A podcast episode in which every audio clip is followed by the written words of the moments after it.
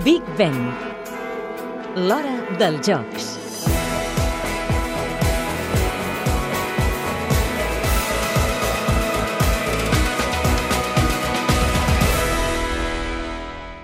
Michael Phelps es quedarà sense repetir els Jocs de Londres al repte d'aconseguir les 8 medalles d'or que es va penjar als de Pequín.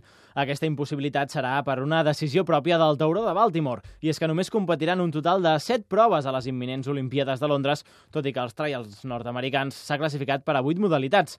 La cursa que el millor nedador de tots els temps ha descartat han estat els 200 metres lliures. Per tant, el nedador nord-americà nadarà els 100 i 200 metres papallona, els 200 i 400 estils, a més de 3 relleus, una combinació d'estils estils i distàncies molt difícil de compaginar amb èxit, tal com revela el nedador de l'Ella, Alan Cabello. Bueno, és, és molt complicat, no? Uh, sempre doncs, els nedadors que poden nedar proves una mica més de fons com 400, doncs com a molt arriben a nedar més ràpid el 200, però el 100 ja la majoria de vegades se'ls va.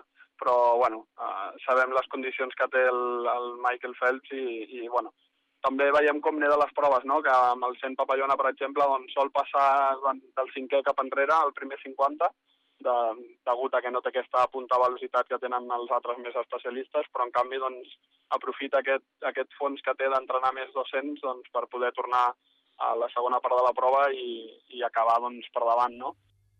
Entre aquestes proves en què Phelps optarà medalla destaca sobretot la duresa dels 400 estils. Cabello creu que és on més pot patir el de Baltimore.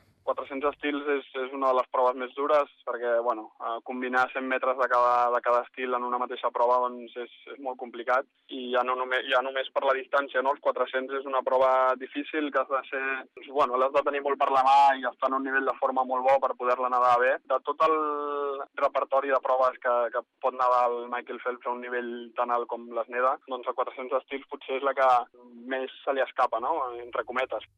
A Londres, si Phelps suma 3 medalles més al total de 16 que ja té, superarà les 18 de la gimnasta russa Larissa Latinina i se situaria com l'atleta amb més podis de la història.